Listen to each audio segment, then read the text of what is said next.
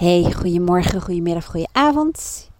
Hier Wendy vanaf een gasveldje, samen met de hond, lekker in de zon. Dat is echt het fijne van uh, een praktijk aan huis hebben. Dat je uh, tussendoor gewoon even lekker buiten, met het geluid van de vogeltjes, lekker in het zonnetje, samen met de hond, gewoon lekker ja, buiten kunt zijn. Tenminste, ik vind dat een voordeel. En heel veel klanten ook, want ik uh, werk ook zodra het kan veel buiten met klanten. Lekker buiten zitten of het bos in, eh, waar ze maar willen. We hebben allemaal plekken waar we gewoon lekker kunnen zitten. En ik uh, heb hiervoor een podcast uh, gemaakt en gepubliceerd. Die kun je ook terugluisteren. En dat gaat erover dat we onszelf vaak als het ware verkeerde vragen stellen. Een verkeerde vraag, de definitie van een verkeerde vraag is dat het een vraag is waar je alleen nog maar meer door gaat piekeren. Of waardoor je er niet uitkomt of vast komt te zitten. Of gaat twijfelen of uh, je schuldig voelt of koppijn krijgt, whatever. De definitie van een goede vraag, dat is een vraag die jou helpt om te bereiken wat je wil. Of dat nou helderheid in je hoofd is, het kunnen maken van een keuze. Um, of achterhalen waar je uh, op dat moment gewoon het meest behoefte aan hebt. En ik deelde een van de uh, goede vragen die je zelf uh, kunt stellen. En, en dat is afhankelijk van de context, van de situatie, het moment. Um, maar als je meer inspiratie wil hebben, dan zou ik zeggen, meld je gewoon aan voor de cursus waar ik het in de vorige podcast over had. Um, maar de vraag, waar heb ik behoefte aan? Of waar heb ik nu behoefte aan? Of waar heb ik meeste behoefte aan? Of waar heb ik eigenlijk behoefte aan? Die deelde ik. Is een op zichzelf um, eenvoudige vraag, maar die kan je absoluut helpen. En dan is het volgende. Dan is het ook nog um, wie in jou, als we het hebben over voice dialogue, al die verschillende persoonlijkheidskanten die in jou zitten, of in jouw bus, dat is een metafoor die ik vaak gebruik niet zelf bedacht trouwens. Maar um, het is ook maar net aan wie je de vraag stelt. En daarmee bedoel ik, als je zegt van waar heb ik het meest behoefte aan? Als jouw innerlijke pusher aan jouw stuur zit, zal die zeggen, nou, uh, om te werken of iets uh, nuttigs te doen. Stel dat jouw innerlijke levensgenieter of je innerlijke speelse kind uh, een beetje voor in je bus ronddolt, die zou zeggen: Oh, lekker in de zon liggen. En als het bijvoorbeeld een soort van uh, verantwoordelijke is die zegt: uh, Ja, maar dat kan niet. Want uh, hè, um, ik heb nu het behoefte aan om even um, de ramen te wassen en boodschappen te doen. Ja, heb ik die behoefte aan, maar ja, hè, wie doet het dan? Ik noem maar even wat. Hè? Je hoort het al ook aan de stemmetjes die ik gebruik. Dat gaat trouwens overigens vanzelf. Maar dat komt omdat die innerlijke dialoog bestaat uit de mening van verschillende kanten. En die zijn heel vaak. Um, ja, tegengesteld. Daarom zeggen mensen ook vaak: ja, aan de ene kant wil ik het zo, maar aan de andere kant, ja, weet je, iets in mij zegt dit, maar ja, weet je, maar ja, de andere kant zegt. We verwijzen ook vaak naar die delen die in onze persoonlijkheid zitten, om het zo te, of die onze persoonlijkheid vormen, kan beter zeggen. Dus ook als je de vraag stelt van waar heb ik behoefte aan, je merkt hem vaak al als je hem gaat uh, veranderen door te zeggen: waar heb ik nu behoefte aan? Of waar heb ik nu eigenlijk behoefte aan? Of waar heb ik het meest behoefte aan? Dan komt vaak uh, antwoord van je bewustzijn. Nou, eigenlijk wat je echt, echt, echt wilt. Maar dan gaan heel vaak andere kanten van jou zich ermee bemoeien. Dan heb je bijvoorbeeld scherp van, oh ja, het meest behoefte heb ik toch wel even om met mijn zon in de, uh, met mijn kop in de zon te gaan liggen. Met je zon in je kop liggen, dat lijkt me wat ingewikkelder. Daar kun je denk ik niet eens een goede vraag voor stellen. Maar anyway, met je kop in de zon liggen. Of even rusten. Of juist even op pad gaan. Of whatever wat eruit komt. En nou, so far so good. Maar heel vaak gebeurt dan het volgende. Dan heb je, denk je, antwoord op je vraag. En dan begint dat circus. Dan is het, ja, dat kun je wel doen. Maar dat kun je beter vanmiddag doen. Want je hebt nog een lijstje. Je kunt nu ook beter even achter de computer gaan zitten. Uh, want er zijn nog wel uh, 20 mailtjes om te beantwoorden.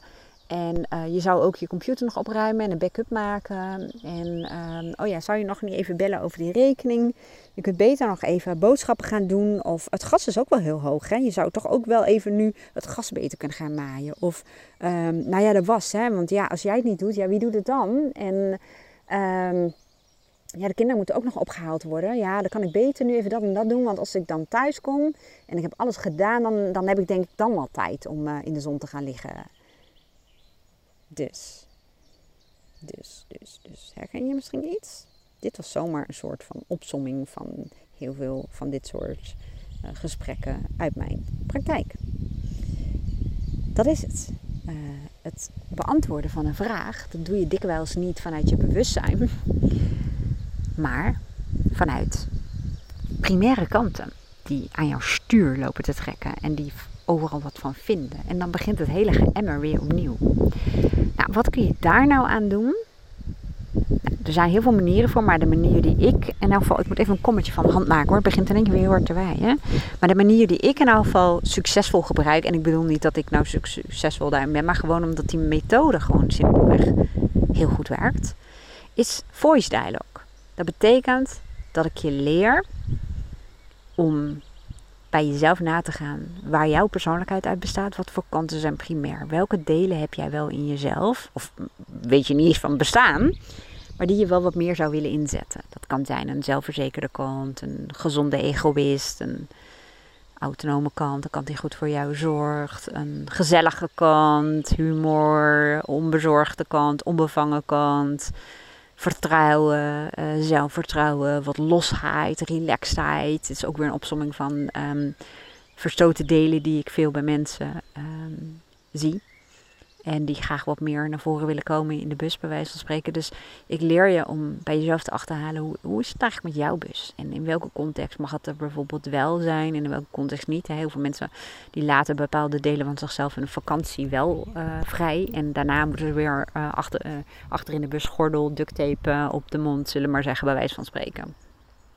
Dus ik leer jou eerst om jezelf beter te leren kennen. Dat is al heel, heel, heel waardevol, een mooi proces. Dat je dan heel veel dingen echt heel goed begint te snappen. En ik leer je dan ook om die kanten die zich heel vaak zo primair aandelen, uh, aandienen, om die ook maar gewoon echt serieus te nemen. Angst moet je nooit overwinnen. Want dat is vaak een vraagstuk waar mensen mee komen. Ik wil mijn angst overwinnen. Nee, doe maar niet maar niet. Want angst is functioneel, maar niet als het aan je stuur gaat zitten. Dan neemt het je over. En dan kan het soms zelfs een paniekaanval worden. Of dan kun je alleen nog maar vanuit angst naar bepaalde situaties kijken. En dat is heel vervelend, heel verkrampend en soms verlammend.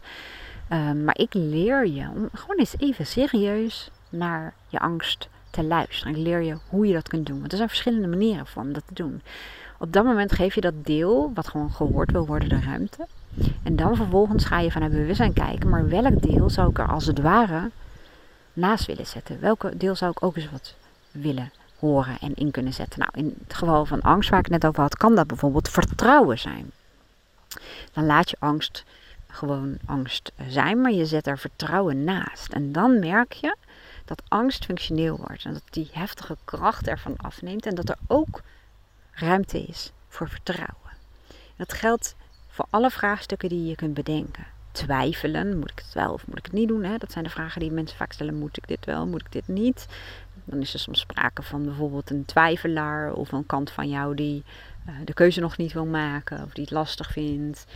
Nou, daar luister je naar. Want er zit altijd een soort van verborgen voordeel, een functie. Er is een reden waarom die kant zo aanwezig is. Dat, er is een reden voor. En die ligt vaak niet zo voor de hand. Want we denken dat we dat wel kunnen bedenken vanuit ratio. Maar wat je dan eigenlijk gaat doen, dan ga je dus met ratio, of het denken, hè, ook een deel van jou zullen we maar zeggen, ga je proberen te analyseren wat een bepaalde kant voor functie heeft. Nou, dat, dat gaat niet. Dat is niet de manier om het zo te zeggen. Nou, en ik leer je dan ook om uh, andere kanten van jezelf, ik noem het wel eens, erbij te halen. En uh, vooral in situaties waarin je merkt dat een kant bijvoorbeeld je stuur over gaat nemen. En dat kan ik je vertellen, ook uit eigen ervaring. Ik ben niet voor niets uh, zo enthousiast over deze methodiek. Um, in de eerste plaats omdat ik mezelf heel vaak gebruik sinds ik hiermee bezig ben. Is jaren. Omdat het me al zoveel heeft gebracht in mijn leven. Ik heb bijvoorbeeld ook een angststoornis gehad. En dat voice dialogue is niet het enige wat ik daarvoor heb ingezet. Er zijn meerdere, nou ja, soort van interventies noem ik het maar. Um, vet van aantrekkingskracht heeft me namelijk daarbij ook heel erg geholpen. Ook om meer vertrouwen uh, te krijgen. Maar voice dialogue helpt mij in mijn eigen leven gewoon ja, bijna dagelijks.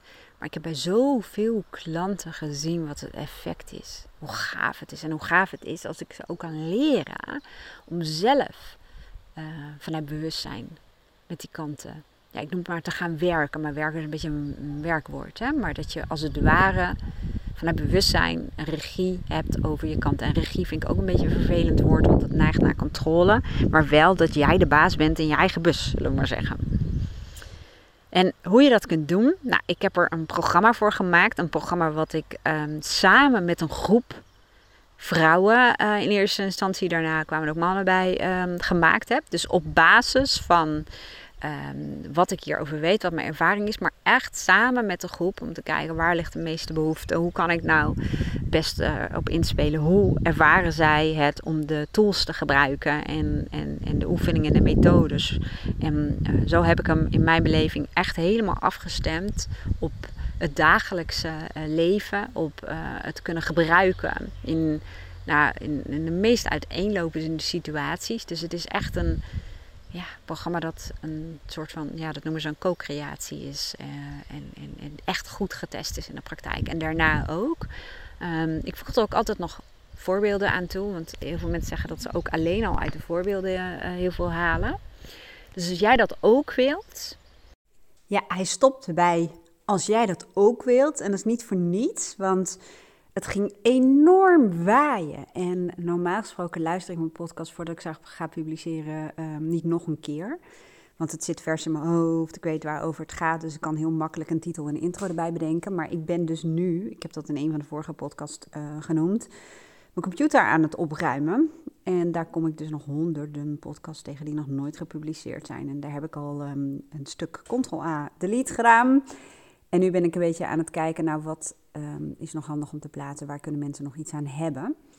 En nu luister ik het dus wel terug. En ik heb inmiddels geleerd dat ik neem veel podcast buiten op dat als het waait, dat ik een kommetje maak van mijn hand.